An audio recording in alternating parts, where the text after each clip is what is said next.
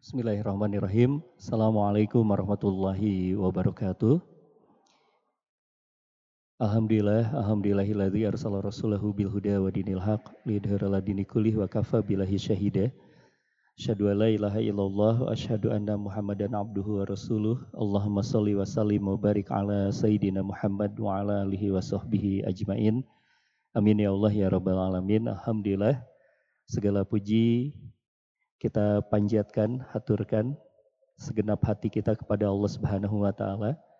Karena dengan rahmatnya kita masih berkumpul hari ini, kita berada di dalam keimanan, kita berada di dalam kesehatan, insya Allah. Di tengah-tengah pandemi kita masih bisa beraktivitas, dan mudah-mudahan aktivitas kita ini dicatat sebagai aktivitas yang penuh ketaatan kepada Allah Subhanahu wa taala. Salawat dan salam semoga terlimpah curah kepada Nabi kita Muhammad sallallahu alaihi wasallam kepada seluruh keluarganya, kepada para sahabatnya, kepada para tabiin, tabiut tabiin, dan insya Allah mudah-mudahan untuk kita semuanya umatnya yang ada di akhir zaman ini. Baik, teman-teman yang dirahmati oleh Allah Subhanahu wa taala di kesempatan daurah kali ini kita melanjutkan ya. Di daurah sebelumnya kita sudah sampai di pengantar. Pengantar ketika kita bicara tentang tauhid. Apa apa itu tauhid? Yang awal kita sudah membincangkan bahwa yang menjadi bahasan paling penting dari tauhid tersebut adalah tentang Allah Subhanahu wa taala, keberadaan Allah dan bagaimana ikatan kita dengan Allah. Karena kalau kita bicara tentang akidah itu, akad itu adalah berarti keterikatan kita. Sehingga bagaimana kemudian tauhid kita benar nanti akan ada hujungnya atau akan ada pengaruhnya dengan bagaimana keterikatan kita kepada Allah Subhanahu wa taala. Para ulama ahli tauhid itu membagi bahasan berkenaan dengan tauhid itu di dalam tiga bahasan pokok paling tidak. Yaitu tauhid rububiyah, kemudian yang kedua adalah tauhid uluhiyah, dan yang ketiga adalah tauhid asma wa sifat. Nah untuk kesempatan sore hari ini kita coba untuk masuk ke tauhid rububiyah. Yang pertama kali adalah kita harus coba untuk bingkai apa yang dimaksud dengan tauhid rububiyah dan bahasannya itu sampai di mana ketika kita bicara tentang tauhid yang dibingkai di dalam tauhid rububiyah itu. Yang dimaksud dengan tauhid rububiyah itu adalah mengesahkan Allah. Pertama kali kita garis bawahi itu ya. Karena kalau kita bicara tentang konsep tauhid di dalam Islam itu berporosnya pada sana. Berporosnya pada satu poin itu yaitu pengesaan Allah Subhanahu wa taala. Dan ini yang merupakan kesempurnaan konsep Islam, kesederhanaan konsep Islam yang ini bisa dipahami oleh siapa pun. Yaitu konsep tauhid. Konsepnya Tuhannya satu. Dan kemudian dilanjutkan ketika dibahas di dalam satu bingkai yang namanya rububiyah itu, mengesahkan Allahnya di dalam tiga hal. Jadi sederhana sebenarnya kalau kita bicara tentang di, uh, di rububiyahnya itu. Yaitu kita bicara tentang esaknya Allah, satunya Allah, keberadaan Allah yang satu dalam hal penciptaan. Ini yang pertama, dalam hal penciptaan. Kemudian yang kedua adalah dalam hal kepemilikan. Dan yang ketiga adalah dalam hal pengaturan. Jadi rububiyah itu bukan hanya sekedar kita faham bahwa Allah yang menciptakan kita, bukan. Tapi kemudian juga ada dua hal yang lebih pokoknya lagi, yaitu bagaimana kita memahami dan mengesahkan Allah di dalam kepemilikan dan juga mengesahkan Allah di dalam pengaturan. Baik, kita coba untuk bedah satu demi satu. Yang pertama, kalau kita bicara tentang penciptaan, kita coba untuk melihatnya di dalam surat Al-A'raf ayat ke-54 terlebih dahulu. A'udzubillahi minasyaitonirrajim. Inna rabbukumullahu alladzi khalaqas samawati wal ard. Di sana di dalam ayat tersebut ada kalimat Rabb.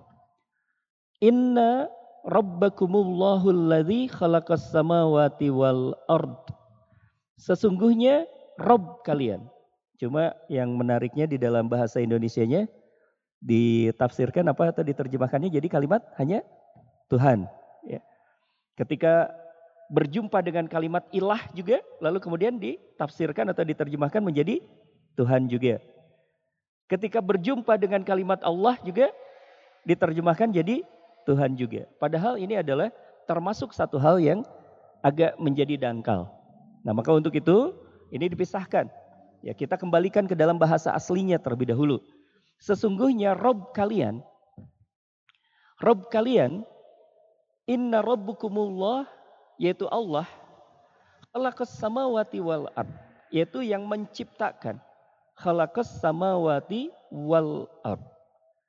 Allah yang menciptakan langit dan bumi. Dan segala apa yang ada di dalam isinya. Ini mengingatkan kepada kita bahwa satu-satunya yang menciptakan itu Allah. Dan di luar itu semuanya, apa pun yang ada di langit, apa pun yang ada di bumi, semuanya adalah ciptaan Allah. Semuanya adalah ciptaan Allah. Ini kemarin di uh, pengantar kita sudah menjelaskannya ya, sudah menegaskannya bahwa teori penciptaan adalah sesuatu yang kita pegang. Bahwa sesuatu itu dulunya tiada kecuali Allah.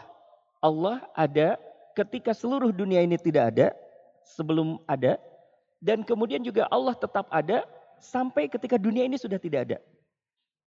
Allah tetap ada. Jadi ini teori penciptaannya. Bahwa Allah subhanahu wa ta'ala itu yang menciptakan semuanya. Khalaqas samawati wal ardo fi ayam sumastawa alal arsh. Ini kita coba untuk satu baris saja dulu karena satu baris ini juga di dalam ayat ini panjang penjelasannya. Kita coba untuk lihat beberapa hal terlebih dahulu. Di sini disampaikan bahwa ada teori penciptaan dan kemudian dijelaskan yang menariknya adalah menciptakan langit dan bumi berapa hari di situ? Disampaikan enam masa. Visitati ayam. Kalau bahasa Arab, ayam itu seharusnya terjemahnya apa? Masa atau hari? Ada saum ayamul bid. Berarti itu apa? Hari-hari pertengahan di satu bulan. Atau misalnya kita bicara tentang hari Jumat. Hari Jumat disebutnya apa? Sayyidul ayam, yaitu hari yang merupakan rajanya hari. Berarti sebenarnya ini terjemahnya juga harusnya bukan seperti itu. Gitu. Harusnya terjemahnya adalah dalam masa enam hari. Dalam masa enam hari. Ya kita coba untuk lihat terlebih dahulu. Ini untuk menguatkan kita untuk bisa memahami tentang teori penciptaan ini. Allah Subhanahu wa taala Dialah yang menciptakan seluruh alam semesta ini termasuk langit dan bumi serta apa yang ada di antara keduanya dalam enam hari. Nah ini mengambil penjelasannya dari Ibnu Kasir. Di tafsir Ibnu Kasir itu dijelaskan bahwa penciptaan semesta raya ini hanya enam hari saja. Hanya enam hari saja. Hal itu disebutkan di dalam Al-Quran bukan hanya satu ayat ini, tapi di beberapa ayat. Bahwa penciptaan semesta adalah mengambil masa hanya enam hari saja oleh Allah Subhanahu wa Ta'ala. Yang dimaksud dengan enam hari itu adalah hari Ahad. Hari Ahad itu berarti hari pertama. Selat atau salis berarti hari kedua. Kemudian uh, uh, had is salis, Rabu, Reba, Hamis, kemudian Jumu'ah. Nah pada hari Jumat semua makhluk kelak dihimpunkan dan pada hari Jumat pun Allah menciptakan Adam. Jadi ini mengingatkan kepada kita semuanya bahwa semuanya itu sistematis diciptakan oleh Allah. Adam diciptakan terakhir setelah fasilitas-fasilitas yang Allah ciptakan untuk keberlangsungan hidup Adam itu sudah selesai. Baru kemudian juga Allah Subhanahu wa taala menciptakan Adam. Ini mengingatkan kepada kita betapa Allah Subhanahu wa taala dalam penciptaan manusia ini sangat memuliakan manusia. Dan Allah Subhanahu wa taala sudah menyiapkan fasilitas untuk bertahan hidupnya. Ya. Lebih detailnya lagi ini, para ulama memang berselisih pendapat mengenai pengertian makna hari-hari tersebut. Dengan kata lain, apakah yang dimaksud dengan hari-hari tersebut sama dengan hari-hari kita sekarang? Maksudnya satu hari 24 jam. Seperti yang kita pahami dengan mudah. Ataukah yang dimaksud setiap hari adalah lamanya sama dengan seribu tahun? Karena penjelasannya dari uh, Imam Ahmad misalnya, Imam Ahmad bin Hambal itu menjelaskan bahwa yang dimaksud dari ayat ini memang penciptaan manusia itu atau penciptaan semesta raya, penciptaan langit dan bumi itu enam hari. Tetapi satu harinya itu setara dengan seribu tahun. Setara dengan seribu tahun. Itu yang diambil kesimpulannya oleh Imam Ahmad bin Hambal. Sehingga kita bisa menghitung ya masa diciptakannya Adam itu berarti enam ribu tahun setelah dunia ini, setelah planet dunia ini 6000 tahun setelah planet bumi ini disiapkan oleh Allah Subhanahu wa taala. Ini faidahnya. Ya di dalam tafsir kita langsung kemudian menemukan uh, berapa usia Adam. Jadi Adam diciptakan oleh Allah 6000 tahun setelah dunia ini disiapkan oleh Allah Subhanahu wa taala. Baik, kita lanjutkan lagi.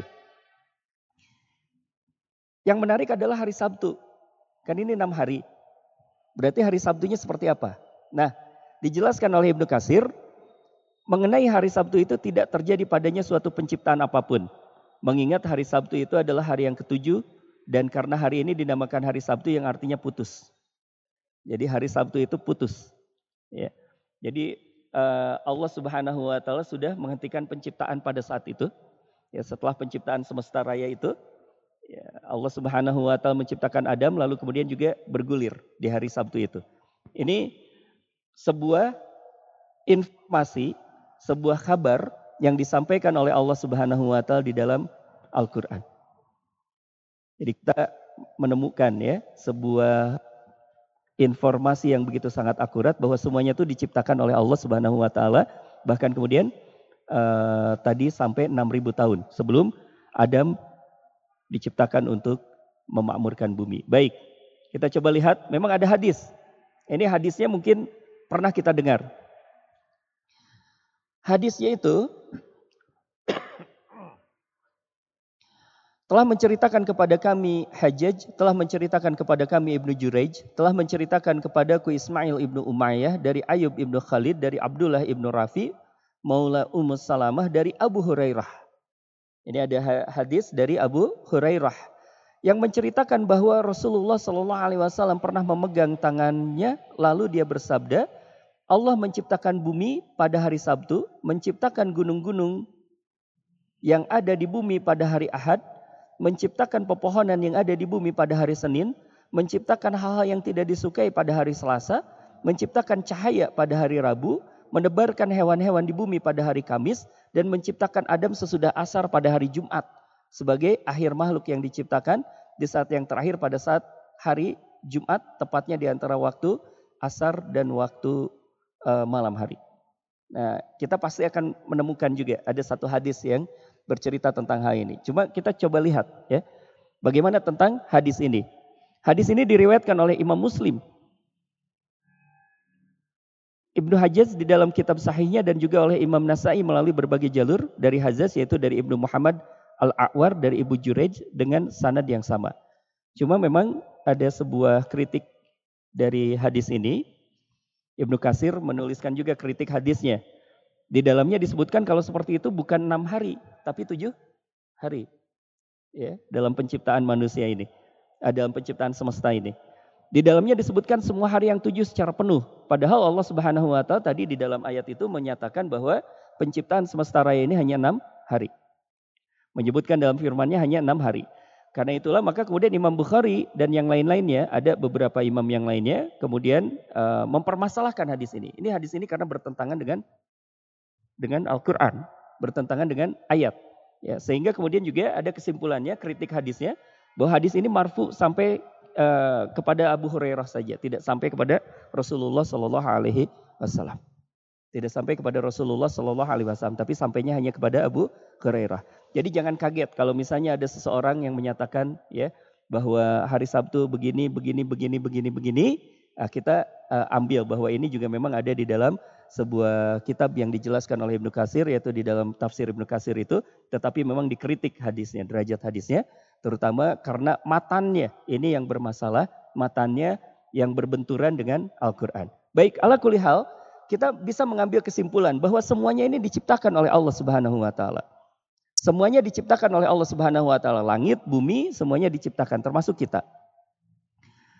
Kemudian yang berikutnya yang juga tidak kalah pentingnya dan ini adalah bagian dari akidah. Ini teman-teman harus paham nih penggalan ayat ini. Yaitu penggalan ayat sumastawa alal arsh. Setelah Allah menciptakan semuanya, menciptakan langit, menciptakan bumi, lalu di dalam ayat itu dikatakan sumastawa alal arsh. Lalu kemudian Allah beristawa. Beristawa di arash, di atas aras, alal arsh. Nah ini yang menjadi perdebatan. Ini yang kemudian kita harus bersikap sebagai seorang yang insya Allah mudah-mudahan kita diberikan hidayah oleh Allah. Mudah-mudahan kita diberikan kepahaman juga oleh Allah Subhanahu wa taala. Inilah akidahnya kita sebagai ahlus sunnah wal jamaah dan ini juga ditegaskan oleh Ibnu Katsir. Kata beliau seperti ini. Kami hanya meniti cara yang dipakai oleh mazhab ulama salaf yang soleh. Seperti Imam Malik, Imam Al-Azai, Imam As-Sawri, Al-Lais Ibnu Sa'ad, Imam Ash-Syafi'i, Imam Ahmad, dan Ishaq Ibnu Rawhahiyah, serta lain-lainnya dari kalangan para imam kaum muslim, baik yang terdahulu maupun yang kemudian, yaitu menginterpretasikan seperti apa adanya. Jadi tidak bertanya arasnya di mana, tidak bertanya istawanya, tidak dijelaskan seperti apa dan seterusnya. Kita kembalikan secara tekstualnya saja. Allah menginformasikan itu bahwa Allah beristawa di atas arash dan kita berhenti.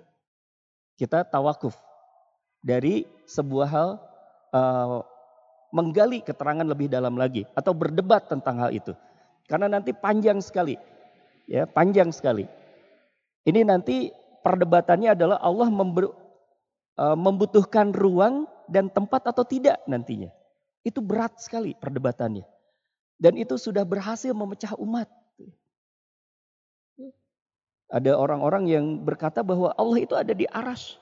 Tapi kemudian ada yang berkata bahwa Allah itu tidak memerlukan ruang dan waktu. Kalau Allah memerlukan ruang dan waktu itu bukan Allah. Nah, ini perdebatan yang panjang sekali. Maka kita kembalikan kepada sikap para imam terdahulu yaitu kita tawakuf. Kita hanya uh, bisa saja berkatanya ya seperti Imam Malik. Imam Malik pernah ditanya tentang hal ini, lalu kemudian Imam Malik menjelaskannya dengan satu hal yang sangat simpel dan kita bisa fahami. Apa kata Imam Malik? Allah ada di aras itu adalah satu hal yang ada di dalam dalil, tetapi bagaimana istawanya, bagaimana di arasnya itu adalah sesuatu yang tidak boleh dipertanyakan. Sesuatu yang tidak usah dipertanyakan. Karena kita hanya menerima apa yang dijelaskan oleh Allah Subhanahu wa taala saja. Gitu ya. Karena Allah tidak menjelaskan itu, maka kita tidak bertanya. Agar kita terlepas dari perdebatan-perdebatan tentang istawanya Allah di aras atau tidak. Itu ya, atau uh, di mana Allah berada. Nah, ini Allah yang menceritakan seperti itu ya sudah kita terima. Baik. Karena kalau buat kita, nah ini ada sebuah panduannya. Setelah kita mengatakan bahwa sumastawa alal arsh, ini Allah yang mengatakan di dalam ayat ini, langsung kita susul dengan sebuah kalimat yaitu laisa kamislihi sayun. Bahwa tidak ada sesuatu pun yang serupa dengan dia dan dialah yang maha mendengar lagi maha melihat. Baik, itu sudah selesai ya. Kita mudah-mudahan ini bisa memahami memahamkan kita dan kita jangan terjebak untuk berdebat di uh, tadi itu perdebatan istawa di arash itu. Kita berlepas diri, kita mengambil mazhabnya para imam terdahulu yaitu tidak berdebat soal hal itu tidak berdebat soal hal itu, kita balikan, kita kembalikan kepada dalil, memang ada dalilnya, tapi wallahu a'lam, laisa kami sayun. Karena ketika kita memahami sebagai ahlu sunnah wal jamaah, tatkala Allah berbicara tentang tangan Allah di atas tangan mereka, laisa kami sayun. Ketika Allah subhanahu wa ta'ala nuzul dari langit ke langit dunia di sepertiga malam terakhir, kita susul lagi dengan laisa kami sayun. Bahwa turunnya Allah itu berarti bukan sama dengan definisi turunnya manusia. Tidak sama dengan definisinya kita ketika kita turun itu dari tempat atas atau uh, ke tempat yang lebih rendah. Tidak sama. Karena Allah berbeda dengan kita. Sehingga bahasa nuzulnya Allah di dalam hadis tersebut kita tidak mau perdebatkan dan kita kembalikan kepada makna aslinya. Wallahu a'lam. Allah subhanahu wa ta'ala yang mengetahui tentang hal tersebut. Baik, kita lanjutkan. Nah ini satu hal yang diingatkan oleh Naim Ibnu Hamad Al-Khuzai, gurunya Imam Bukhari, ia mengatakan bahwa barang siapa yang menyerupakan Allah dengan makhluknya kafirlah. Ya, Masya Allah. Maka ini hati-hati dengan ini. Ya, kita uh, mengambil prinsip laisa kami selihi sayun. Allah itu berbeda. Tapi juga hati-hati, barang siapa yang ingkar apa yang disifatkan Allah terhadap zatnya sendiri, sesungguhnya juga dia sudah kafir. Ya.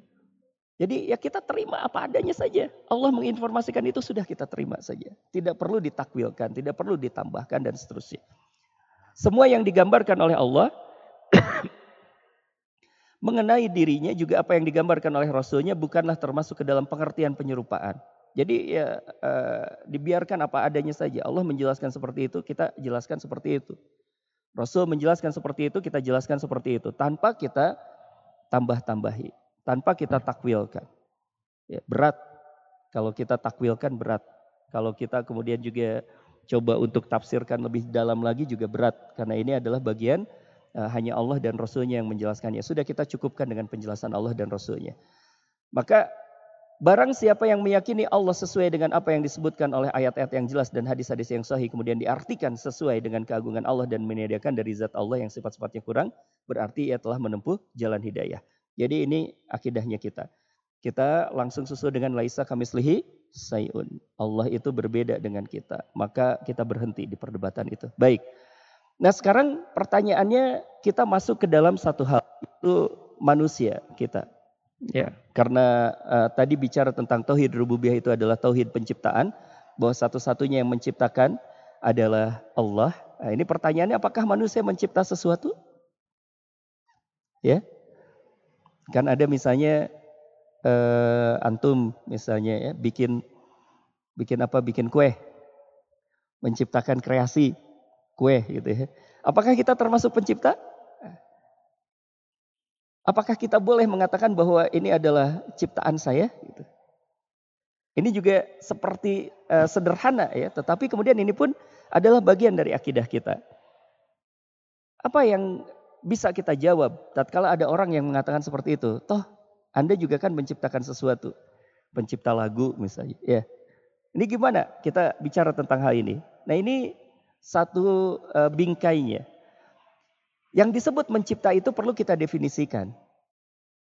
Yang kita hubungkan dengan Allah Subhanahu wa taala, satu-satunya pencipta itu adalah yang disebut mencipta itu adalah yang tiada menjadi ada. Yang asalnya tiada menjadi ada, itu baru kita akui sebagai pencipta. Yang dulunya nggak ada lalu ada. Yang dulunya eh, nggak ada lalu ada, itu baru diciptakan. Sementara manusia, siapa pun sehebat-hebatnya manusia sekarang ini, itu hanya meniru dan memodifikasi sesuatu yang diciptakan oleh Allah. Misal, ini ada orang yang membuat meja, menciptakan meja. Kan unsur-unsurnya sudah ada. Hanya kemudian juga dimodifikasi, disusunlah. Nah kita ini adalah bagian seperti itu. Manusia itu bagian seperti itu. Nanti konsekuensinya ada. Konsekuensinya berarti sebenarnya kita ini ya, bukan pencipta. Bukan pencipta. Nanti kita coba lihat poin-poinnya ya. Pelan-pelan dulu. Baik. Ini yang lebih penting lagi. Kalaupun tadi kita bicara tentang kreasi-kreasi yang dilakukan oleh manusia, ada hal yang lebih penting lagi. Toh kita juga manusia ini adalah ciptaan Allah. Maka ketika kita berhasil menciptakan sesuatu, misalnya dalam tanda petik ya menciptakan sesuatu, itu sebenarnya adalah bagian dari hidayah dari Allah, petunjuk dari Allah, ilham dari Allah. Ketika manusia misalnya berhasil menciptakan pesawat, ya, maka sejatinya sebenarnya Allah Subhanahu wa taala yang memberikan ilham kepada manusia untuk menciptakan pesawat. Begitu ya. Jadi kalaupun misalnya kita berhasil menciptakan sesuatu, kita kembalikan dulu kepada Allah semuanya. Ini inspirasinya dari Allah, petunjuknya datang dari Allah. Sehingga kita tidak merasa memiliki dan tidak terjebak kepada kesombongan tentang hal itu. Malah yang ada adalah bersyukur kita kepada Allah Subhanahu wa taala karena kitanya sendiri adalah ciptaan dari Allah Subhanahu wa taala. Kita diberikan inspirasi oleh Allah Subhanahu wa taala. Baik. Kelanjutannya uh, ini kita bisa mengambil dari sebuah ayat di surat Al-Mu'minun ayat ke-14 Uh, ini tegas disampaikan oleh Allah Subhanahu wa taala tentang proses penciptaan manusia. Summa khalaqta nutfatan alaqah fa khalaqna alaqata mudghah dan seterusnya. Ini teori penciptaan manusia.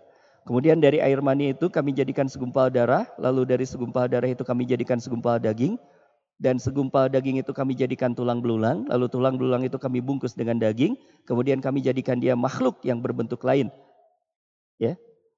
Jadi kitanya juga adalah ciptaan dari Allah Subhanahu wa taala. Jadi yang dimaksud dengan tauhid mengesahkan Allah di dalam penciptaan seperti ini. Dulu kan manusia tidak ada. Dulu manusia tidak ada. Lalu kemudian Allah adakan. Nah itu baru kita akui sebagai pencipta. Jadi manusia itu tidak ada yang menciptakan sesuatu. Ya apalagi kalau dibenturkan dengan teori-teori yang kemarin kita sudah bahas juga ya. Ada orang yang mengatakan teori apa namanya evolusi gitu ya. Manusia tuh dari apa? Dari monyet. kemudian juga monyet itu dari mana dari mana sampai kemudian juga uh, kalau misalnya kita telusuri di teori evolusi itu ke yang namanya itu sel tunggal. Gitu. Nah, sekarang pertanyaannya siapa yang menciptakan sel tunggal itu? Ya tentu kita harus akui yang namanya Allah Subhanahu Wa Taala yang menciptakannya itu.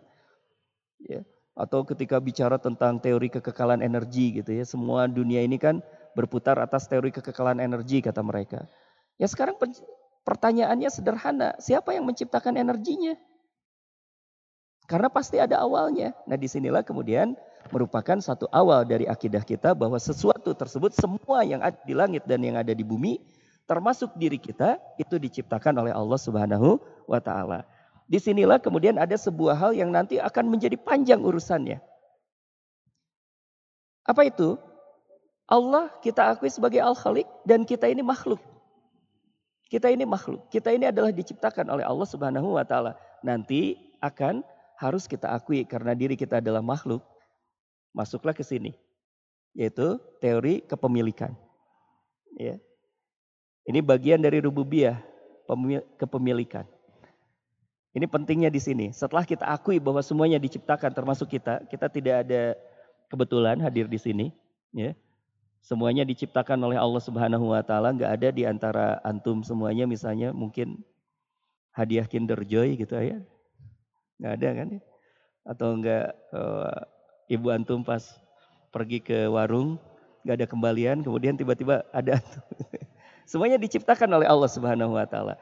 Nah, konsekuensinya karena kita diciptakan, maka kita harus fahami tentang kepemilikan. Ini bagian dari tauhid rububiyah. Di dalam surat Aj-Jasiyah ayat ke-27, walillahi mulkus samawati wal ard. Karena kita diciptakan oleh Allah Subhanahu wa taala, karena langit dan bumi ini diciptakan oleh Allah Subhanahu wa taala, maka satu-satunya pemilik yang ada di dunia ini adalah Allah. Satu-satunya yang memiliki dunia ini hanyalah Allah. Karena kita tadi beranjaknya dari satu yang menciptakan, hanya Allah yang menciptakan, maka pemilik mutlak dari segalanya itu hanyalah Allah. Dan bukan hanya di dunia, di dalam surat Az-Zasiyah ini disampaikan wa yauma taqumus sa'atu yauma ini yahsurul mubtilun. Juga nanti di akhirat pun Allah yang memilikinya. Ini konsekuensinya panjang. Di sinilah akidah kita mulai dibangun. Tapi kalau gagal di teori penciptaannya akan gagal juga di teori kepemilikannya. Kita lihat di ayat ke-28 dan ayat ke-29-nya itu dan diceritakan oleh Allah Subhanahu wa taala. Peristiwa nanti di hari akhirat itu. Pada hari itu kamu akan lihat tiap-tiap umat berlutut. Tiap-tiap umat dipanggil untuk melihat buku catatan amalnya. Masya Allah. Ini mengingatkan kita tentang apa? Kan kalau ada hubungannya dengan kepemilikan. Ada orang yang merasa memiliki dunia. Memiliki jabatan. Memiliki harta. Lalu kemudian dia semena-mena ketika menggunakan itu semuanya. Dia semena-mena menggunakan kekuasaannya. Kenapa? Karena ini kekuasaanku. Dia semena-mena menggunakan hartanya. Kenapa? Karena ini hartaku. Padahal dia lupa, pemilik harta, pemilik kekuasaan siapa berarti? Allah. Dan itu nanti akan dimintai pertanggungjawaban di hadapan Allah Subhanahu wa taala. Sebagai pemilik sejatinya atas itu semuanya. Kita tidak punya sesuatu. Kita nggak punya sesuatu. Kepemilikan kita terbatas, kepemilikan kita ini temporer. Bahkan kepemilikan kita tidak mutlak. Nah ini nanti mendasari banyak hal nih teman-teman. Termasuk ketika antum nanti berkeluarga. Itu juga teori kepemilikan ini harus dikembalikan. Ya. Karena saya juga Masya Allah beberapa bulan ini, beberapa bulan ini ada banyak hal yang terjadi ini. Ya ini masa pandemi ini ternyata sudah mulai kena juga ke keluarga-keluarga muslim. Sudah banyak yang gugat cerai, Masya Allah. Di KUA itu sudah tinggi itu gugat, gugat cerai itu. Ya. Dan salah satu persoalannya apa? Di ini, di kepemilikan ini. Seorang suami merasa memiliki istrinya sehingga merasa berhak untuk ditaati. Seorang ibu merasa memiliki anaknya sehingga merasa di, merasa berhak untuk ditaati. Padahal berat. Seharusnya kalau kita kembalikan ke dalam tauhid kita yang benar itu, kita jangan tuntut orang lain untuk taat kepada kita, tapi didik mereka untuk taat kepada Allah, kepada pemilik yang sebenarnya. Itu baru benar. Karena kalau dituntut taat kepada kita, kita ini tidak sempurna, berat. Tapi kalau dituntutnya taat kepada Allah, Allah pemilik semesta raya. Dan Allah memang sangat berhak, sangat berhak. Allah sangat sempurna ketika ditaati oleh manusia. Tapi kalau kita lemah. Ya, Masya Allah ya. Ini dari apa tuh? Tauhid rububiyah ini. Tauhid rububiyah ini. Jadi kalau kita bicara tentang tauhid rububiyah ini, di poin yang kedua inilah yang sangat penting. Ya. Nah, sekarang pertanyaannya seperti ini kan, bagaimana dengan kepemilikan manusia? Ini kita batasi. Kepemilikan manusia itu terbatas dan spesifik. Ya, misalnya kita berkata, ini laptop saya. Berarti bukan laptop antum. Ya, ada spesifik. Tapi kalau Allah meskipun saya berkata ini laptop saya, kata Allah itu punyaku. Kenapa? Karena seluruh yang diciptakan, unsur-unsurnya ini punya Allah semua. Termasuk kitanya sendiri punya Allah. Spesifik. Kita ini, tapi kalau Allah menyeluruh. Termasuk yang kita akui kepemilikannya. Jadi kita memang diakui kepemilikan kita. Ya. Tapi kepemilikan kitanya ini ada di poin keduanya ini. Kepemilikan manusia itu bukan hakiki. Kita tidak mutlak memiliki sesuatu. Islam mengakui kepemilikan individu. Ya. Kita bukan komunis. Kalau komunis tidak mengakui kepemilikan individu. Kita ini mengakui, Islam ini diakui. Ada kepemilikan individu. Harta dimiliki oleh seseorang, itu diakui di dalam Islam. Tapi kemudian kepemilikan manusia itu bukan hakiki dan tidak boleh mengelolanya sekehendak hati. Itu konsekuensinya. Karena ini semuanya adalah punya Allah. Maka kita mengelolanya juga tidak boleh sekehendak hati kita. Tapi apa yang harus kita lakukan? Yang harus kita lakukan harus dikelola sesuai dengan syariat. Yang ini berarti adalah sesuai dengan keinginan dan izin dari pemilik yang sejatinya itu. Dari sini kita sudah mulai memiliki jembatan nanti kepada tauhid uluhiyah. Ya. Karena Allah yang memiliki, maka terserah Allah dan kita harus nanya kepada pemilik yang sebenarnya, ya Allah ini tuh kalau mempergunakan ini gimana caranya? Kalau ini ada aturannya enggak ya Allah? Gitu ya. Masya Allah. Kita sudah paham ya, akhirnya satu poin itu. Ini konsekuensi mendasar dari kita mengakui Rabbun Allah. Allah sebagai Rob kita. Ya. Harus dikelola sesuai dengan syariat yang berarti itu adalah izin dari pemilik yang sejatinya. Baik. Dari sini sudah bisa paham teman-teman bahwa dalam tauhid rububiyah ini kita berarti tidak boleh semena-mena. Termasuk juga mengelola yang kita sebut sebagai milik kita. Tangan, mata kita, lisan kita. Ini semuanya punya Allah. Kita hanya dititipi kepemilikan sementara. Satu saat kita akan dihisab. Kita tidak memiliki otoritas mutlak untuk mengatur yang kita sedang kuasai sekarang. Ya. Di sini nanti akan sampai bersambung kepada konsep khalifah. Wa idz qala rabbuka lil malaikati inni ja'ilun fil ardi khalifah. Ketika Allah Subhanahu wa taala berfirman kepada seluruh penduduk langit, Wa qala rabbuka lil malaikah kepada para malaikat. Ini ja'ilun fil ardi khalifah. Aku akan mengutus manusia untuk menjadi khalifah di muka bumi. Maka kita kaitkan dengan prinsip rububiyah ini. Sehingga ketika manusia itu dikirimkan ke bumi, dan sehingga ketika manusia itu diamanahkan untuk mengelola bumi, karena khalifah itu adalah berarti pengelola, gampangnya, itu mengelola buminya tidak boleh sembarangan. Mengelola buminya tidak boleh dengan hawa nafsu. Mengelola buminya tidak boleh kemudian juga hanya mengandalkan akal dan hawa nafsunya belaka. Tapi harus pengelolaan bumi ini harus mengikuti apa yang digariskan oleh Allah Subhanahu wa taala. Gitu ya. Jadi konsep khalifahnya di dalam Al-Qur'an itu seperti itu. Kita diamanahi sesuatu, tapi ingat kita bukan pemilik mutlak dari dunia ini. Pemilik mutlak dari dunia ini hanyalah Allah Subhanahu wa taala. Baik. Sudah dua kita pahami dari tauhid rububiyah kita. Yang berikutnya adalah tadi kan tiga Ya, ya. Yang pertama berarti rububiyah itu uh, mengesahkan Allah di dalam penciptaan. Yang kedua adalah mengesahkan Allah di dalam kepemilikan. Dan yang ketiga adalah mengesahkan dalam pengaturan. Di dalam pengaturan. Nah ini yang lebih dalam lagi kita masuk ya. Aturan. Karena kerap kali kalau kita membahas tentang rububiyah ini uh, tentang Allah yang maha mengatur sebenarnya ya banyaknya. Pengaturan. Kita coba untuk pintu masuknya di dalam surat Al-Hajj ayat ke-73. A'udzubillahi minasyaitonirrajim.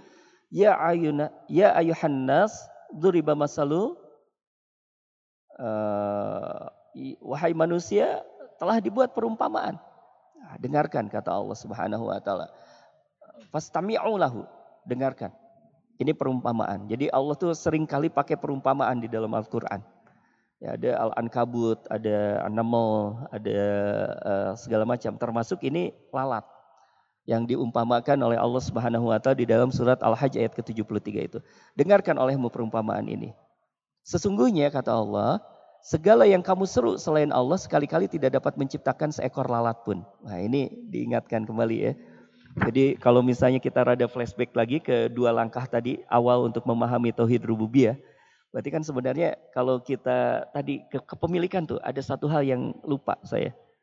Berarti kita ini bukan milik siapa-siapa ya, tapi kita ini adalah milik Allah. Maka ketundukan kita hanya kepada Allah saja. Ketundukan kita hanya kepada Allah saja. Nah, di sini di ayat ini disindir oleh Allah. Dan memang pada prakteknya ada orang yang tunduknya bukan kepada Allah. Lalu kemudian Allah Subhanahu wa taala menyampaikan, "Wahai sungguhnya ini ada perumpamaan Segala sesuatu yang kamu seru selain Allah. Segala sesuatu yang kamu seru selain Allah. Segala sesuatu.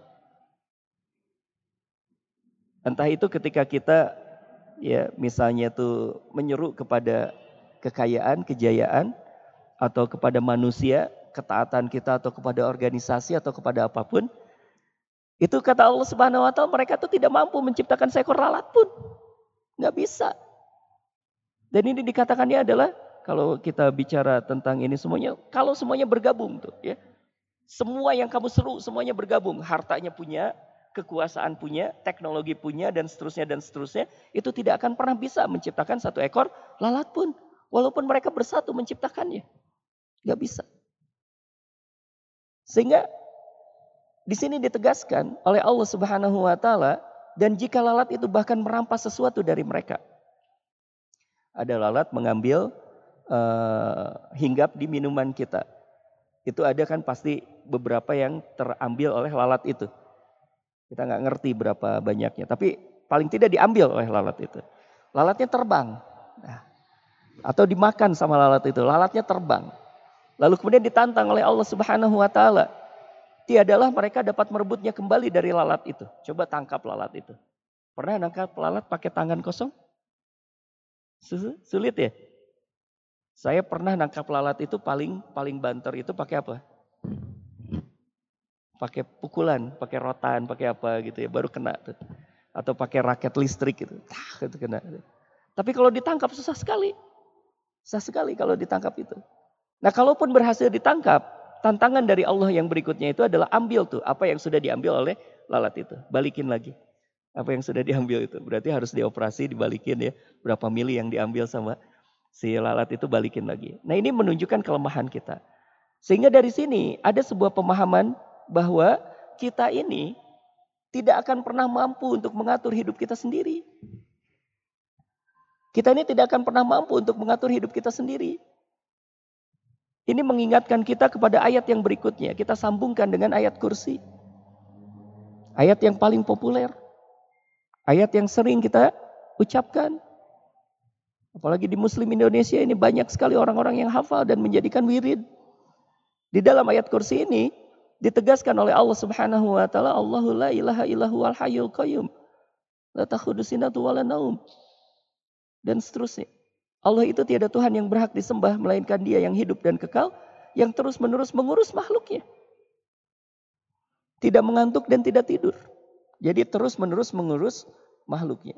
Di sinilah salah satu bagian dari tauhid rububiyah bahwa Allah tidak pernah berlepas tangan dari kita. Allah itu nggak pernah berlepas tangan dari kita. Allah itu nggak pernah membiarkan kita sendiri menghadapi kehidupan kita. Ya, ini satu hal yang sangat penting. Allah tidak pernah membiarkan kita sendiri untuk mengatur kehidupan kita. Karena Allah senantiasa mengatur dan mengurus kehidupan kita. Karena disampaikan juga di dalam ayat kursi ini kepunyaan Allah yang apa yang ada di langit dan apa yang ada di bumi dan seterusnya. Itu ya. Baik, berikutnya. Pada saat kita memahami dua ayat ini, maka kita akan juga memahami tentang yang namanya takdir. Bahwa ketika Allah Subhanahu wa taala bicara tentang pengaturan, pengaturan Allah itu pada saat yang sama kita bicara tentang ada takdir yang kadang tidak kita sukai. Kadang-kadang kita suka dengan takdirnya Allah, kadang-kadang kita tidak suka. Maka ketika kita sudah memahami tauhid rububiyah ini ada satu hal. Yang kata Allah Subhanahu wa taala wa asa an takrahu syai'a wa huwa khairul lakum. Wa asa an tuhibbu syai'a wa huwa syarrul lakum. Wallahu ya'lamu wa antum la ta'lamun. Ujungnya lihat. Boleh jadi kita ini enggak suka. Padahal ya amat baik bagimu. Boleh jadi juga kita ini suka cinta sesuatu. Padahal ya amat buruk bagimu. Ditegaskan oleh Allah di dalam ujung ayat ini. Ini adalah bagian dari poin uh, tauhid rububiyah yang sangat penting yaitu wallahu ya'lamu wa antum la ta'lamun. Sesungguhnya Allah itu maha mengetahui, sedangkan engkau tidak mengetahui.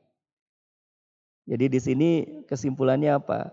Jangan kita ini terlalu pede untuk kita mampu mengatur diri kita. Ya. Yang bisa kita lakukan adalah kembalikan kepada apa yang sudah digariskan, sudah diaturkan oleh Allah Subhanahu wa taala. Di sinilah urgensi kalimat ihdinas siratal mustaqim. Kita minta kepada Allah petunjuk. Baik.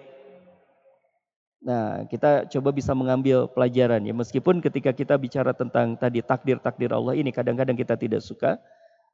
Tapi ala kulihal, Allah itu kalau sudah mengatur sesuatu pasti sempurna.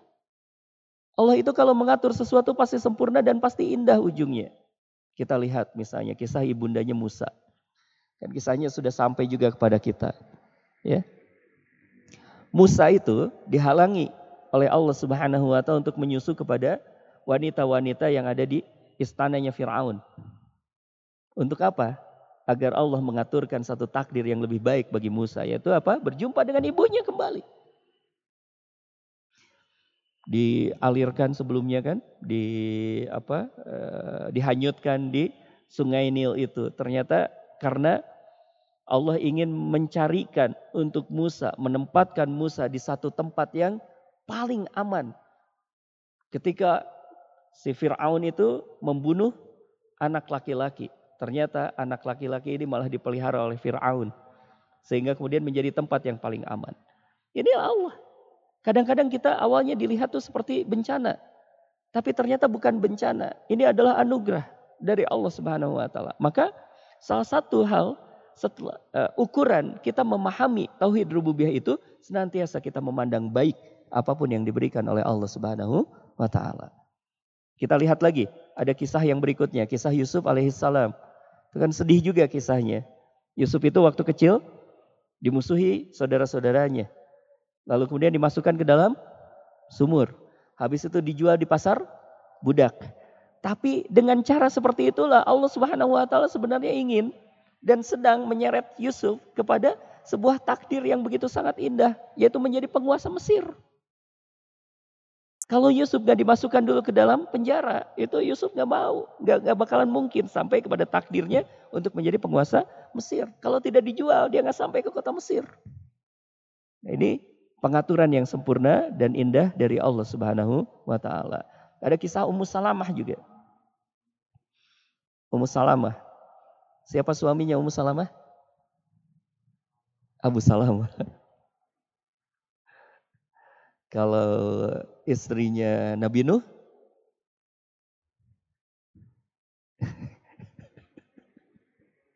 istrinya Nabi Nuh siapa?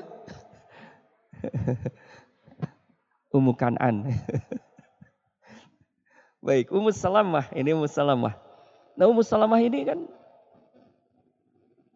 mendapatkan suaminya itu sahid. Abu Salamah itu sahid. Beliau bersedih, dihibur oleh Rasulullah Shallallahu Alaihi Wasallam. Kata Rasulullah, uh, baca doa ini, doanya. Diajarkan zikir oleh Rasulullah Shallallahu Alaihi Wasallam kepada Ummu Salamah. Inna lillahi wa inna ilaihi rajiun. Allahumma ya. Ajurni fi musibati. Wa akhlif li khairum minha. Illa ikhtilafallahu lahu khairum minha. Itu diajarkan seperti ini Ummu Salamah bingung. Ya karena kalau diartikan seperti ini. Inna lillahi wa inna ilaihi rajiun sesungguhnya kami milik Allah dan kami akan kembali kepadanya. Ya Allah limpahkanlah pahala kepadaku atas musibah yang menimpaku kalau di situ Ummu Salamah paham tapi kemudian yang keduanya itu dan berikan gantinya yang lebih baik. Sampai kemudian Ummu Salamah berkata, siapa yang uh, lebih baik dari Abu Salamah yang akan menggantikan Abu Salamah tersebut? Ternyata Allah Subhanahu wa taala menggantikan pengganti yang lebih baik. Siapa penggantinya Abu Salamah? Rasulullah Shallallahu alaihi wasallam. Ummu Salamah dinikahi oleh Rasulullah Shallallahu alaihi wasallam. Jadi senantiasa pengaturan Allah itu sempurna dan indah. Maka yang harus kita pahami ketika kita sampai kepada uh, mempelajari tauhid rububiyah ini, manusia itu ada di dalam pengaturannya Allah Subhanahu wa taala. Kita sekedar mengelola amanah sesuai dengan keinginan Allah di dalam bingkai syariat, termasuk masalah rizki, jodoh dan kematian dan seterusnya kita harus sadari semuanya adalah ada di dalam kehendak dan pengaturan Allah Subhanahu wa taala. Ini hadisnya ya. Uh, hadisnya populer di hadis Arba'in kita pelajari juga di mentoring-mentoring kita. Dari Abu Abdurrahman Abdullah bin Mas'ud radhiyallahu anhu berkata, ada beberapa hal yang sudah ditetapkan oleh Allah Subhanahu wa taala. Apa saja yang ditetapkan oleh Allah ini? Uh, ketika ditiupkan ruh ada ditetapkan empat perkara yaitu rizkinya, ajalnya, amalnya dan kecelakaan atau bahagianya. Jadi semuanya itu sudah ada di dalam pengaturan-pengaturan Allah Subhanahu wa taala. Cuma kita nggak tahu apa yang diberikan oleh Allah Subhanahu wa taala. Dan ketika itu belum kita ketahui, maka yang harus kita lakukan adalah kita terus berikhtiar. Tapi kalau sudah diberikan oleh Allah, maka itu adalah bagian dari ketetapan Allah dan bagian dari takdirnya Allah Subhanahu wa taala. Baik. Ini ayat yang menguatkan. Ayat yang sangat menguatkan. Saya sering sampaikan ayat ini untuk menguatkan diri saya sendiri, juga di keluarga, di beberapa tempat ini ayat yang menceritakan tentang pengaturan Allah yang sangat kokoh. Ma'asaba min musibatin fil ardi wala fi anfusikum illa fi kitab min qabli an nabra'aha. Inna dzalika 'ala Allahi yasir. Tiada suatu bencana pun yang menimpa di bumi dan tidak pula pada dirimu sendiri melainkan telah tertulis dalam kitab dalam Lauhul Mahfuz sebelum kami menciptakannya. Kami di sini Allah. Sesungguhnya yang demikian itu adalah mudah bagi Allah. Ya. Yang kemudian penyikapannya seperti apa? Penyikapannya di ayat yang berikutnya. Likaila ta'sau ala ma fatakum wa la tafrahu bima atakum wallahu la yuhibbu kulla fakhur. Ah, kami jelaskan yang demikian itu supaya engkau jangan terlalu berduka cita terhadap apa yang luput darimu. Karena semuanya sudah diatur oleh Allah. Kita punya keinginan lalu kemudian tidak terwujud. Jangan terlalu bersedih hati. Dan supaya engkau juga jangan terlalu gembira terhadap apa yang diberikannya kepadamu. Kita punya cita-cita ternyata terbukti. Jangan terlalu gembira. Karena ini semuanya juga adalah pengaturan dari Allah dan pemberian dari Allah Subhanahu wa taala dan Allah menguncinya dengan sebuah kalimat Wallahu la yuhibbu fakhur. Sesungguhnya Allah Subhanahu wa taala tidak menyukai orang-orang yang sombong lagi membangga-banggakan diri. Baik, ya. Nah, sekarang berarti penyikapannya kita ketika kita sudah memahami tiga hal yang uh, masuk ke dalam bahasan tauhid rububiyah itu, ini yang kita lakukan.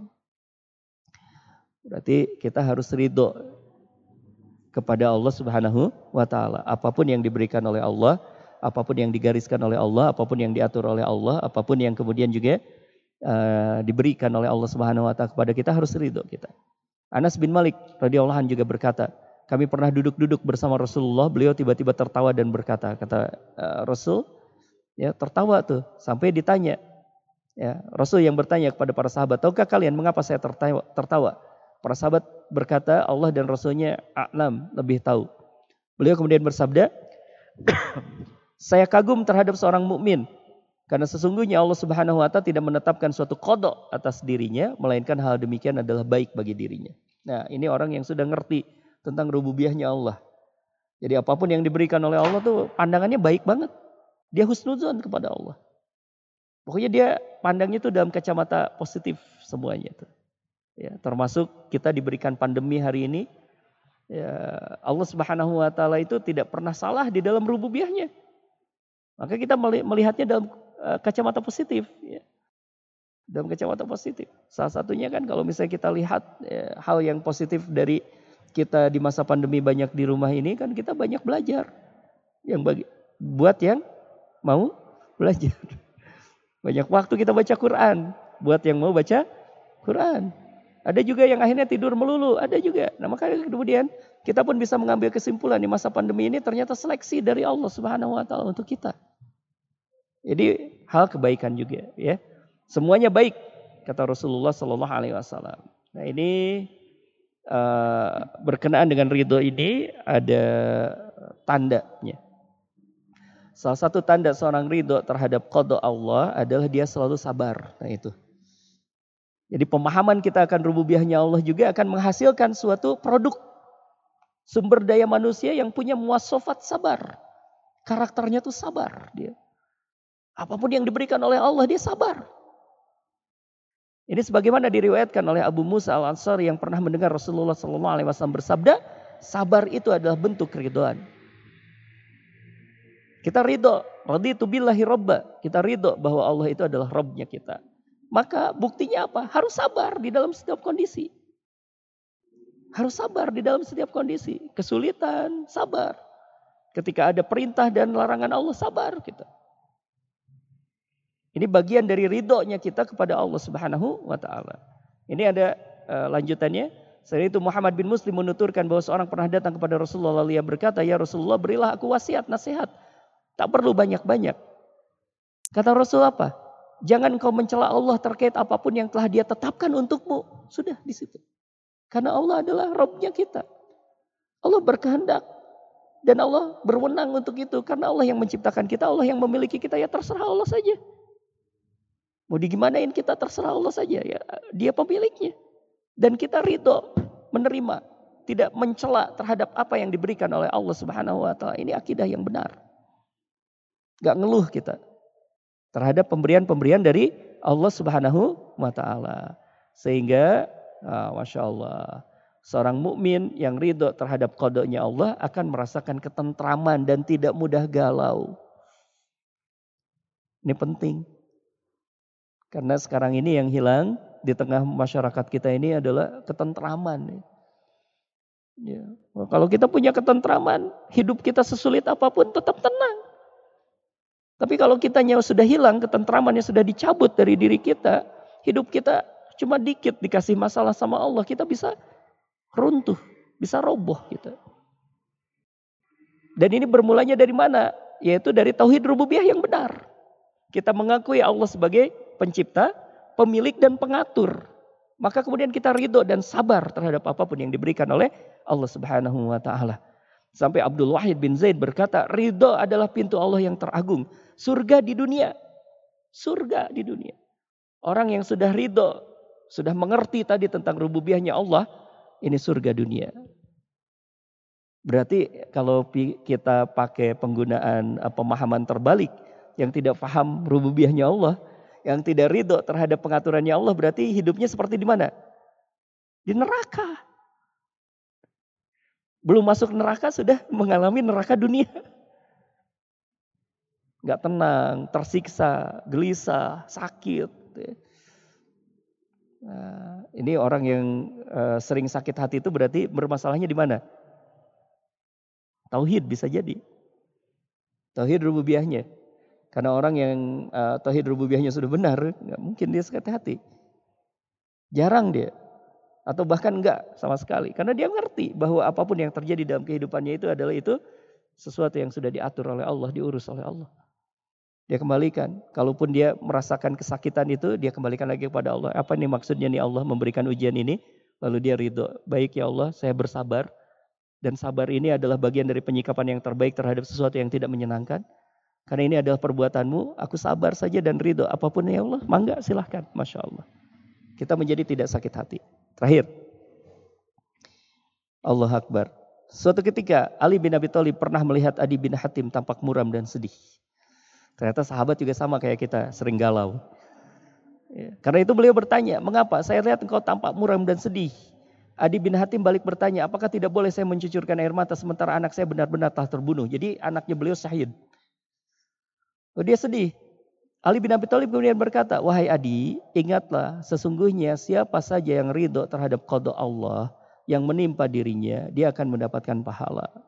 Dan siapa saja yang tidak ridho terhadap kodok Allah yang menimpa dirinya, maka terhapus amal-amalnya. Engkau pilih yang mana, wahai Adi? Atau di dalam perkataan yang lainnya, beliau berkata juga menasehati kepada Adi bin Hatim ini, uh, nasihatnya lagi adalah, ya uh, saudaraku, kalau engkau tidak ridho terhadap ketetapan Allah ini, ketetapan Allah ini tetap akan terjadi dan engkau menjadi tidak bahagia. Tapi tatkala engkau ridho, ketetapan ini memang akan terus terjadi juga. Karena Allah yang berkehendak menetapkan ini. Tetapi engkau akan menjadi orang yang bahagia. Tinggal pilih yang mana. Sehingga kalimat ini yang bisa menjadi sebuah kesimpulan buat kita. Ada kalimat dari Umar bin Khattab radhiyallahu an Kata beliau, tidak masalah bagiku. Apa pun kondisi yang terjadi, baik yang aku sukai ataupun yang tidak aku sukai. Sebab sesungguhnya aku tidak tahu apakah kebaikan itu ada di dalam perkara yang aku sukai atau dalam perkara yang tidak aku sukai. Nah, ini tauhidnya sudah benar nih. Umar, sekali berumar. Karena Umar sangat paham bahwa uh, Allah tuh mengatur dan tidak pernah berlepas diri dari sebuah apa pun yang terjadi dalam kehidupan kita. Kitanya yang kadang-kadang nggak tahu, nggak ngerti, nggak paham tentang pemberian-pemberiannya Allah ini. Sehingga ketika itu Umar bin Khattab berkesimpulan tidak masalah bagiku. Apa pun kondisinya. Baik yang aku sukai yang diberikan oleh Allah maupun yang tidak aku sukai. Sebab aku tidak tahu. Tahu diri. Sebab aku tidak tahu. Apakah kebaikan itu ada dalam perkara yang aku sukai atau yang tidak aku sukai? Kita kembalikan kepada rububiyahnya Allah Subhanahu wa taala. Baik, nah teman-teman itu ya. Jadi tauhid rububiyah ini adalah awal dan tauhid rububiyah ini akan menjadikan siapa pun yang memahaminya akan kokoh menjalani kehidupannya. Dan ini menjadi sangat penting untuk kita, menjadi sangat kuat pemahaman kita berkenaan dengan tauhid rububiyah sehingga ketika kita berkata kan kalau zikir ada satu zikir ya kalau kita sedang ditimpa masalah, sedang ditimpa kesulitan, apa salah satu zikirnya? Hasbunallah wa ni'mal wakil, ni'mal maula wa ni'man nasir, eh, wa ni'man nasir. Atau di dalam kalimat yang lainnya adalah hasbi robbi. Hasbi robbi. Kita kembalikan dan mengingatkan kembali kepada rububiyahnya Allah Subhanahu wa taala. Uh, kalau kita sudah dibarengi dengan pemahaman yang benar tadi, maka ketika kita menyebut Allah sebagai Rob yang terbayang itu tadi. ya Allah pencipta, Allah pemilik, Allah pengatur. Maka kita akan tawakal total kepada Allah. Kita akan diberikan insya Allah indahnya tawakal kepada Allah subhanahu wa ta'ala. Ya, Taib, itu saja dulu untuk hari ini. Barangkali ada yang mau didiskusikan dulu, silahkan. Mangga, Kang. Di harusnya pakai ini. Nah ini, Alhamdulillah ada. Mangga, silahkan. Cik, ya, monggo mungkin kepada Akang Teteh sekalian barangkali ada yang mau didiskusikan dipersilahkan. Hmm, ada? Enggak dari Kang Hipdi ya? Kang Hipdi dulu, enggak. Oke, mic atau suara? Hah? Nih saran saya nanti mic-nya pakai itu. Oh, yang pelindung itu ya. Pelindung. Enggak.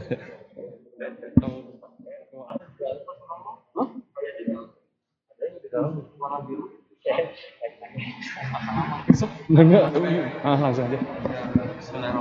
Assalamualaikum warahmatullahi wabarakatuh. Isi yang di Google Meet-nya kedengaran. Ilmu yang disampaikan mengingatkan Ustaz beserta beserta kita semua dalam lindungan Allah Subhanahu wa taala. E, mengenai mungkin saya akan menyinggung ke e, apa tauhid rububiyah tapi masih dalam tauhid e, mengenai persoalan yang sekarang sedang terjadi Ustaz di media sosial mengenai ya perdebatan antara itu ya antara uh, apa mengenai sifat-sifat Allah yang harus ditakwil atau tidak.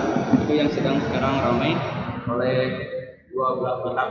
Yang mengakui asyairah yang mengakui manhaj. Salam.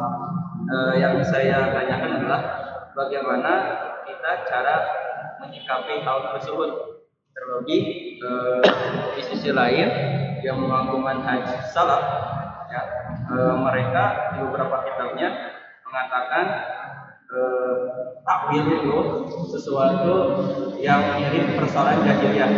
Salah satu yang mengatakan adalah saya Salih Fauzan dalam kitabnya Syarah Masail Jahiliyah termasuk beberapa kitab lain yang mereka mengaku mainkan salah. Tapi di sisi lain yang Asyairah e, menuduh yang lainnya juga seperti yang mainkan salah mereka itu dengan e, ketika asis mereka itu ya tadi menyerahkan lebih mungkin dalam istilah tafsir dari kami itu namanya tafwid gitu. tapi itu juga mereka mengkritik karena di pihak lain itu mujasimat tapi di sisi lain Mazhab salah juga tidak mengakui mujasimat saya juga baca demikian Ibnu Taimiyah juga tidak mengatakan demikian. Nah bagaimana e, sikap kita perihal seperti ini? Sedangkan di samping itu akidah itu sesuatu e, asas ya sesuatu ilmu yang benar-benar harus disam, langsung disampaikan tidak boleh di sendiri orang yang mengatakan yang para pendakwah yang ingin menyatukan ya udahlah jangan jangan jangan membahas akidah kata beliau apa yang orang yang mengatakan para pendakwah karena mereka masing-masing kita membahas sesuatu yang kita sepakati. Orang yang punya pendapat seperti kan itu bertentangan dengan Iya. Subhanallah ya, rumit ya persoalannya.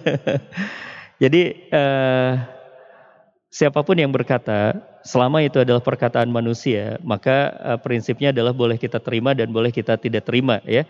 Termasuk ketika tadi antum mengutip Syekh Soleh uh, Fauzan mengatakan seperti ini, seperti ini, seperti itu. Itu perkataan manusia. Uh, satu hal, ya kalau misalnya kita melihat kepada sejarah pembelajaran akidah di uh, dunia Islam ini, dulu itu pelajaran akidah kita itu sederhana. Dulu itu pelajaran akidah itu sederhana. Misalnya Allah ada, kemudian Allah menciptakan, sudah selesai di situ. Kemudian juga memang ayatnya itu ada uh, Allah itu adalah istawa di aras dan kemudian tidak ditafsirkan sama sekali. Sudah dia selesai. Itu menjadi sangat rumit adalah ketika umat Islam ini banyak bersentuhan dengan filsafat. Dan perdebatan-perdebatan yang terjadi sekarang ini kan perdebatannya nuansanya filsafat banget. Dua-duanya terjebak ke dalam itu semuanya. Dua-duanya terjebak ke dalam itu semuanya. Sehingga kalau misalnya kita mengambil uh, salah satu penjelasan dari Syekh Ibnu Taimiyah misalnya, Syekh Ibnu Taimiyah kan mengembalikan seperti itu ya mengembalikan bahwa kita memang membahas ini tapi tidak merumit-rumitkan persoalan. Tidak merumit-rumitkan persoalan. Apalagi kalau misalnya kita bicara tentang uh, apa esensinya ketika kita berkata Allah itu ada di aras itu, ya, atau kemudian juga ruang dan tempatnya dan seterusnya. Padahal esensinya adalah Allah itu laisa kami sayun. Allah itu diinformasikan ya Allah sudah menciptakan lalu sumastawa alar ars sudah selesai. Berarti Allah itu e, kalaupun misalnya kita mengikuti penjelasan Imam Maliki, Allah beristawa di aras itu itu adalah dalil dan mempertanyakannya adalah batil. Selesai kan ya? Gitu. Kita sangat sederhana sekali ketika kita berbicara tentang dalil itu. Kata Imam uh, Malik ya, maka Imam Malik itu uh, ini bisa bisa kita jadikan sebuah jawabannya buat kita ketika ada orang yang mengatakan bagaimana tentang ini. Ya itu adalah dalil. Sumastawa al as itu dari Quran, itu dalil juga, tapi mempertanyakan soal hal itu dan mendiskusikan soal hal itu adalah batil, sudah selesai. Sehingga ini menjadi sederhana ya. Kita tidak melepaskan diri juga karena memang itu dalilnya ada. Dalilnya ada dan kita terima. Tanpa ada tadi taktil, taufir dan seterusnya kita takwil, kita tidak melakukan hal itu semuanya. Ya betul bahwa nanti kalau misalnya kan tadi ada ada tidak ketidakkonsistenan kan di situ ada urusan-urusan yang lainnya, ada hal yang lainnya ya. Juga saya sering menemukan juga kan sempat berdiskusi dengan salah satu uh, guru kami ya, Dr. Taufik Hulaimi itu juga uh, menyoroti itu di sana hal-hal yang semacam itu. Misalnya teman-teman kita, saudara-saudara kita dari Salafi ini yang kemudian menafikan sama sekali uh, takwil, ternyata dalam beberapa kasus kan mereka mentakwilkan juga gitu ya. Dalam beberapa kasus mereka mentakwilkan juga ada persoalan-persoalan itu. Tapi kalau misalnya kita mengambil sebuah kesimpulan dari Ibnu Taimiyah ini sangat menarik Ahi. Uh, perdebatan-perdebatan itu sebenarnya bermuara pada satu hal yang sama. Apa itu? Ingin mensucikan Allah dari sifat-sifat makhluk. Itu saja yang kita ambil. Ya, dua-duanya kan ya. Ari ingin seperti itu, kemudian juga teman-teman dari uh, mereka pun sama seperti itu. Dan berarti sebenarnya tujuannya sama. Tujuannya itu adalah ingin membebaskan Allah dari sifat-sifat makhluk. Ah, kita berhentinya di situ. Membebaskan Allah dari sifat-sifatnya makhluk. Kita tidak akan masuk kepada perdebatan yang di sananya. Nah, ini adalah satu prinsipnya kita ya. Dan insya Allah ini adalah prinsip yang terang, yang jelas bahwa kita mengakui dalil itu dan kita tidak akan membahas terlalu banyak kecuali kemudian juga sesuatu yang maaf bahasanya seperti ini. Uh, mungkin tidak tidak tidak begitu sama juga dengan uh, konteksnya, tapi ini menarik. Satu saat saya ditanya oleh santri ketika saya diminta untuk uh, oleh guru kami untuk kembali ke pondok waktu itu, kemudian juga santri ngumpul, uh, kemudian santri diperintahkan tuh oleh kiai, eh, tanya tuh, mumpung dia lagi ada di sini, tanyain segala macam. Ada santri yang bertanya tuh aneh, cukup lumayan luar biasa. Kata dia, Sad, eh, di dalam surat Fusilat itu kan ada uh, malaikat itu di, diberikan ditambahkan sayap-sayap. Benar ya di Fusilat ayat berapa? Tiga atau empat saya lupa. Nah, di situ kemudian santri itu bertanya, Sad, sayap malaikat itu dibuat dari apa? Panjangnya berapa? Eh, secara secara logika wajar ya bertanya seperti itu. Cuma saya balikan dulu, kembalikan dulu. Kalau antum sudah tahu tentang sayap malaikat itu, misalnya dibuat dari apa, panjangnya berapa, terus apa manfaatnya? Apakah kemudian dengan kita sudah tahu uh, jumlah sayap malaikat dan terbuat dari apa, panjangnya seperti apa, lalu kemudian meningkatkan ibadah kita? Kira-kira meningkat gak ibadah kita? Enggak kan hanya puas di sini saja kan? Nah itu hati-hati. Bahwa saya sampaikan juga ini pertanyaan-pertanyaan yang sebenarnya boleh saja ditanyakan, silahkan saja ditanyakan. Cuma nanti jangan sampai terjebak kita hanya memuaskan ini. Mempertanyakan sesuatu yang sebenarnya informasi biasa, informasi yang uh, datar saja. Tapi kita kemudian perdalam dan menjadi rumit akhirnya. Nah, ini kita membebaskan diri dari pertanyaan-pertanyaan rumit yang seperti itu karena ini adalah kebiasaan orang-orang yang belajar filsafat. Jadi merumis, merumitkan sesuatu yang sesuatu yang sebenarnya sederhana gitu ya. Tapi jadi rumit akhirnya. jadi rumit. Eh, dan Islam tidak menginginkan seperti itu karena Islam ini adalah agama yang simple, agama yang mudah, kalau Islam itu adalah agama yang rumit, kasihan orang-orang yang terbatas IQ-nya. kasihan terbatas. Dia harus mempelajari sesuatu yang rumit-rumit itu kasihan banget. Maka kita kembalikan kepada kesederhanaan dalil tadi, termasuk dalam perdebatan itu ternyata kan bermuara pada satu hal yang sama, yaitu mau asari, mau apa pun. Ya saya juga uh, membaca kitabnya, uh, masya Allah, masya Allah. Ada atau Hawi, itu sama juga ya pada muaranya adalah ingin membebaskan Allah dari sifat-sifat seperti makhluk. Berarti di situ kesepakatannya kita. Bukan berarti kesepakatannya kita udahlah nggak usah uh, bahas akidah, bukan. Tapi kesepakatannya berarti adalah kita sepakat bahwa membebaskan Allah dari sifat-sifat makhluk. Selesai di situ. Ya, wallahu a'lam kurang lebih seperti itu. Ya, selanjutnya mungkin dari Kang Ilyasa, mangga. Oh atau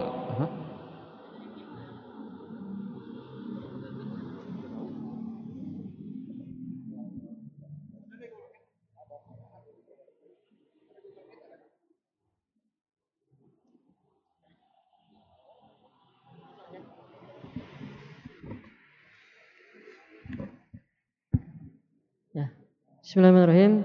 Ustaz izin bertanya terkait ridho atas kodo Allah.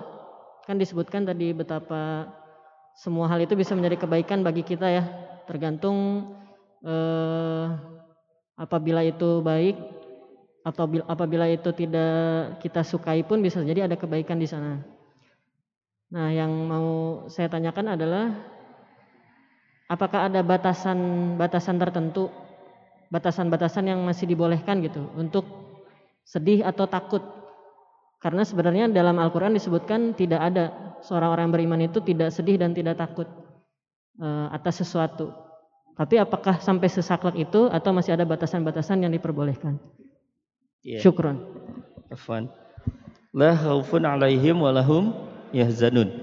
Seorang uh, alladzina amanu sumastaqamu seorang yang beriman lalu kemudian dia istiqomah di jalan keimanannya itu, di jalan amalnya itu lalu uh, sampai dia kepada poin yang namanya istiqomah itu, tatanazzalu alaihimul malaikah la takhafu wa la tahzanu absiru bil jannah.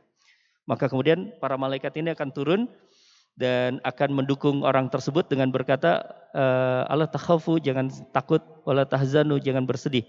Meskipun ada sebagian tafsiran dari ayat ini ini adalah disampaikan oleh para malaikat di ujung uh, kehidupan seseorang sehingga dia bisa di kalimat akhirnya itu karena kan di penghujung kehidupan seseorang itu juga iblis atau setan ini berupaya untuk mencuri keimanan dari seseorang mukmin ya. Nah ini kemudian juga uh, tatanazzalu alaihimul malaikah. Lalu kemudian Allah Subhanahu wa taala mengutus para malaikat untuk wabsiru bil jannah. Ujungnya adalah menyampaikan tentang indahnya surga sehingga dia menjadi istiqomah dan kalimat yang terakhir yang diucapkan adalah kalimat thayyibah.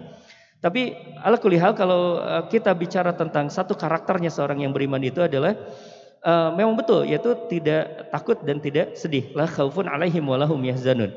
Cuma memang Islam ini sendiri juga menghargai yang namanya fitrah. Misal ya, kalau seseorang, seorang istri ditinggalkan oleh seorang suaminya, suaminya meninggal, maka boleh nggak ada masa berkabung? Boleh. Berapa lama? Yang diperbolehkan hanya sekedar tiga hari. Ya, nangis itu sedih itu tiga hari lah, gitu ya.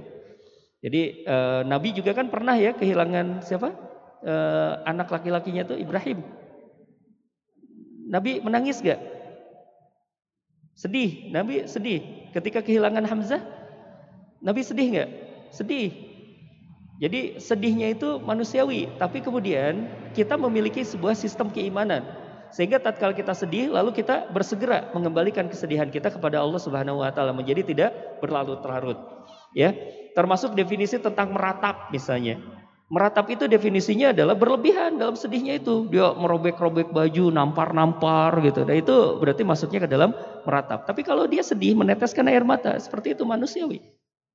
Tapi sehabis itu kemudian dia kembalikan kepada Allah Subhanahu wa taala. Nah ini ya, kita untungnya kita menjadi seorang mukmin ini, sesedih apa pun kita, kita punya tempat kembali. Berbeda dengan mereka. Mereka kalau sedih bingung. Mereka kalau sedih bingung. Kembalinya ke mana? Nggak tahu. Nggak jelas. Akhirnya nambah sedih lagi. Wallahu a'lam. Kurang lebih seperti itu. Iya. Enggak mungkin uh, masih ada waktunya. Ada yang kali dari Akang Teteh. Masih ada yang akan ditanyakan atau didiskusikan dari Akhwat? Mungkin ada?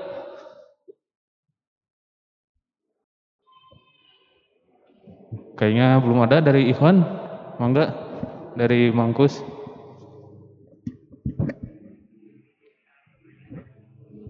Cek.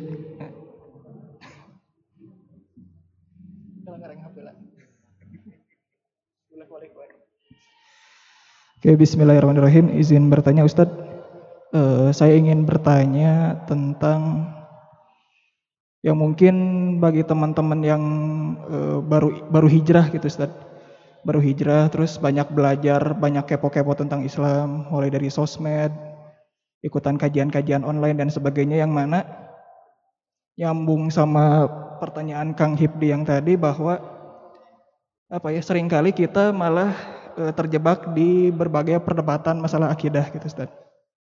Yang mana malah jadi apa ya kalau saya pribadi memandangnya menjadi kontraproduktif. Dan eh, apa ya?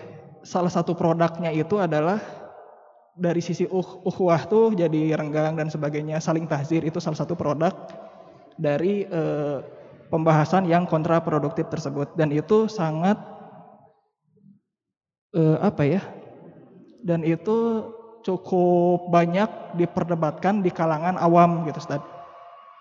Yang mungkin dari ustadz-ustadznya mah ya mungkin sebagian udah selesai gitu masalah bahasan itu tapi justru dibahas lagi di kalangan awam.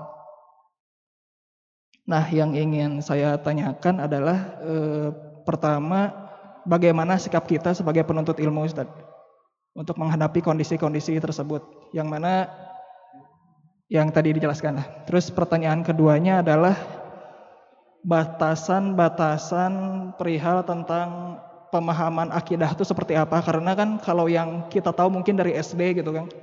Dari SD kita belajar rukun iman, rukun Islam, mungkin hanya sebatas itu gitu.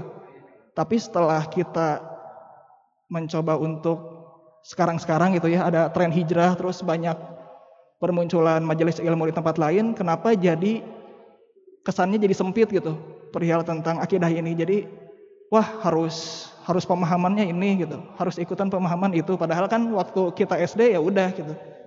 Kita belajar iman tuh ya rukun iman, rukun Islam dan sebagainya. Itu bagaimana Ustaz? Mangga. Iya. Baik. Yang pertama dulu ya, nanti tolong diingetin pertanyaannya. Yang pertama adalah eh, apa yang bisa kita lakukan sebagai para penuntut ilmu? Nah ini mental penuntut ilmu kita harus punya nih teman-teman. Ingat ya, mental penuntut ilmu itu adalah jangan pernah merasa puas dengan satu sumber. Satu. Ya. Sehingga kemudian kita mencari uh, referensi-referensi. Dan kemudian dalam proses kita mencari referensi-referensi itu jangan sampai kita terjebak memutlakan satu referensi. Ini yang jadi persoalan. Jadi kalaupun misalnya kita menemukan perbedaan yang harus dilakukan kita sebagai seorang pelajar itu adalah mencari tahu. Bisa jadi perbedaan itu adalah sesuatu yang belum kita tahu. Sama seperti kita belajar fikih nih teman-teman. Akidah itu sama seperti kita belajar fikih misalnya. Kalau kita belajar fikihnya satu mazhab, itu ketika kita melihat orang yang berbeda dengan kita, maka kita akan melihatnya salah. Tapi kalau misalnya kita sudah mempelajari empat mazhab, Ketika kemudian juga ada orang yang berbeda dengan kita, kita akan paham mereka berbeda karena mengambil mazhab yang berbeda dengan kita. Tapi itu adalah dalam sebuah perbedaan yang bisa dimaafkan, perbedaan yang biasa-biasa saja. Kalau kita sudah mempelajari empat mazhab, maka itu untuk itu itu pun bisa menjadi sebuah solusi buat kita, solusi buat kita. Bagaimana agar kita tadi ya bahasanya antum tidak terjebak ke dalam perdebatan-perdebatan yang kontraproduktif itu adalah berarti kita harus banyak belajar, pelajari semuanya. Jangan sampai kemudian kita itu puas dengan kila wakola itu. Kata orang, kata orang, kata orang, kata orang, kita cari. Ya, saya pernah kemudian juga menemukan bahkan ada selevel yang mohon maaf ya, beliau adalah seorang penuntut ilmu yang saya sebut sebagai penuntut ilmu senior lah ya. Udah bolak-balik ke pengajian, bolak-balik ke uh, taklim dan seterusnya. Kemudian beliau berkata, kata beliau, uh, mohon maaf ini perkataannya beliau, Imam Asy'ari itu sesat misalnya. Saya katakan sesat di mananya? mengatakan ini, mengatakan ini. Antum tahu nggak di mana? Kemudian beliau mengatakan itu kitabnya apa, halaman berapa, juz berapa. Dia kemudian berkata, wah saya belum baca. Nah itu salahnya antum. Itu salahnya antum. Kenapa salahnya antum? Antum mengutip sesuatu tidak dari sumber aslinya. Itu persoalannya. Dan sekarang banyak sekali yang terjadi di tengah masyarakat kita itu adalah ketika mendengarkan sesuatu, itu lalu dia berkata tentang sesuatu itu tanpa cross check kepada sumber-sumber aslinya. Nah, sekarang kita uh, hidupkan ya semangat itu. Karena saya juga sedih nih sekarang teman-teman. Kenapa sedih? Ya ternyata minat baca kita, saya pernah nyampein ya di daurah waktu itu. Daurah online tuh. Dari 21 negara yang di uh, survei, ternyata kita itu adalah ke-20 minat bacanya itu. Kita hanya menang atas Botswana. Nggak tahu daerah mana, Botswana, Afrika yang sebelah mana. Tapi yang luar biasanya, di tengah-tengah minat baca kita yang rendah, minat debat kita nih juara satu. Terus apa yang kita debatkan? Pasti bukan ilmu itu. Ya, ya kitanya juga jarang baca, terus sering debat. Susah di situ.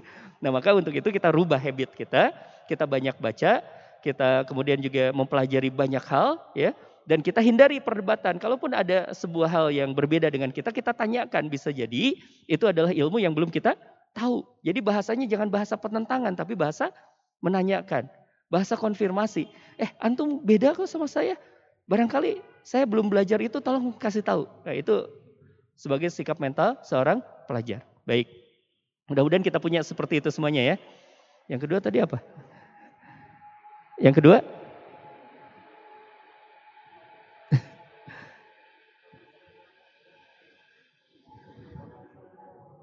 ah, batasan, iya. Batasan bahasan-bahasan akidah.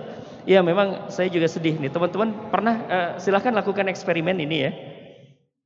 Uh, punya adik atau keponakan yang masih usia SD, SMP, SMA misalnya. Uh, sama misalnya ada teman antum yang masih di kampus. Nah sekarang uh, tugasnya adalah jajarin buku agamanya. Buku PAI-nya ya jajarin. SD, SMP, SMA. Antum akan kaget bahwa ternyata buku SD, buku SMP, dan buku SMA materinya sama. Pernah nggak ngebedain itu? Pernah nggak ngebuka itu? Cobain ya nanti ya. Buku PAI SD, buku PAI SMP, sama buku PAI SMA itu bahasannya sama. Sehingga kemudian ya maka tidak bisa diharapkan, punten ya, tidak bisa diharapkan kita hanya mengandalkan sumber-sumber formal dari sekolah. Maka untuk itu kan sering kita juga mengatakan ke teman-teman kita yang ada di sekolah, uh, antum harus menambah ilmu agama antum dengan apa? Ada mentoring lah, ada rohis lah gitu. Di sana kemudian kita bisa dapatkan. Kalau kita yang akrab dari mulai sekolahnya di mentoring di rohis itu banyak sekali itu yang kita bisa gali ya. Saya juga nggak tahu kurikulum kita seperti apa ya. Uh, tapi kalau misalnya kita jejerkan tadi pengetahuan SD SMP dan SMA terutama di sekolah yang uh, formal sekolah negeri itu hampir semuanya materinya sama hampir sama. Coba sedikit-sedikit saja yang berbedanya. Berarti selama kita di bangku sekolah itu belajar agama itu cuma gitu-gitu aja gitu ya. Sehingga kita akhirnya tadi wajar ketika antum mengatakan oh ternyata ketika sekarang belajar akidah tuh luas sekali. Ya memang luas.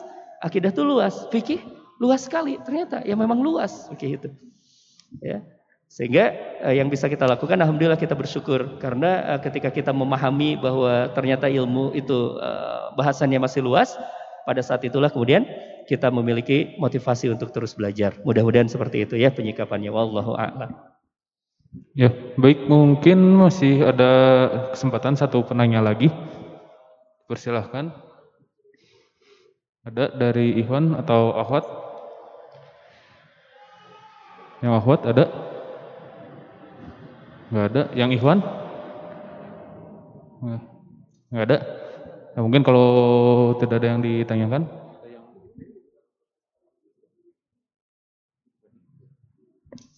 Ya,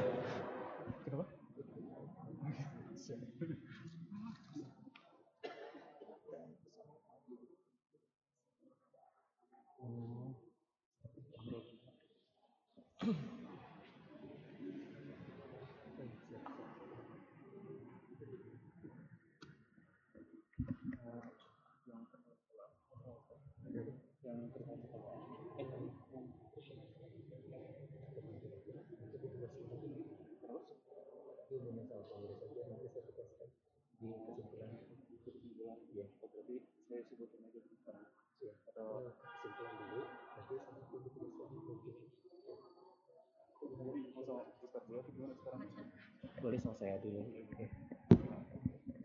Ya, mungkin untuk materi pada hari ini dicukupkan sekian. Mungkin ada yang mau disampaikan dulu dari Ustaz Agus? Iya, baik eh, teman-teman itu tadi ada hubungannya dengan yang disampaikan oleh Mangkus bahwa kalau kita bicara tentang perubahan diri kita ini memang pintu gerbangnya dari ilmu tadi ya. Ketika kita melihat uh, ada perbedaan maka jadikan itu sebagai gerbang ilmu. Tapi jangan berhenti di situ. Ada satu lagi hal yang harus kita lakukan dan bisa kita lakukan yaitu kejar ilmu itu dengan amal. Kejar ilmu itu dengan amal.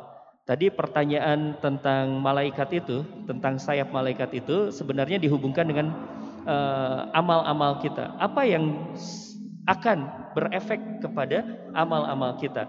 Nah, maka untuk itu, teman-teman, ini hanya mengingatkan kita semuanya satu proses di dalam mentoring-mentoring kita, termasuk juga di dalam sekolah murabian ini kita pun berorientasi pada ibadah-ibadah kita. Nahnu kaumun amaliyun. Kita ini orientasinya adalah kepada amal-amal kita. Maka untuk itu nanti pengurus akan umumkan juga salah satu hal yang bisa kemudian kita hidupkan kembali adalah mutabaah yaumiyah amal-amal kita.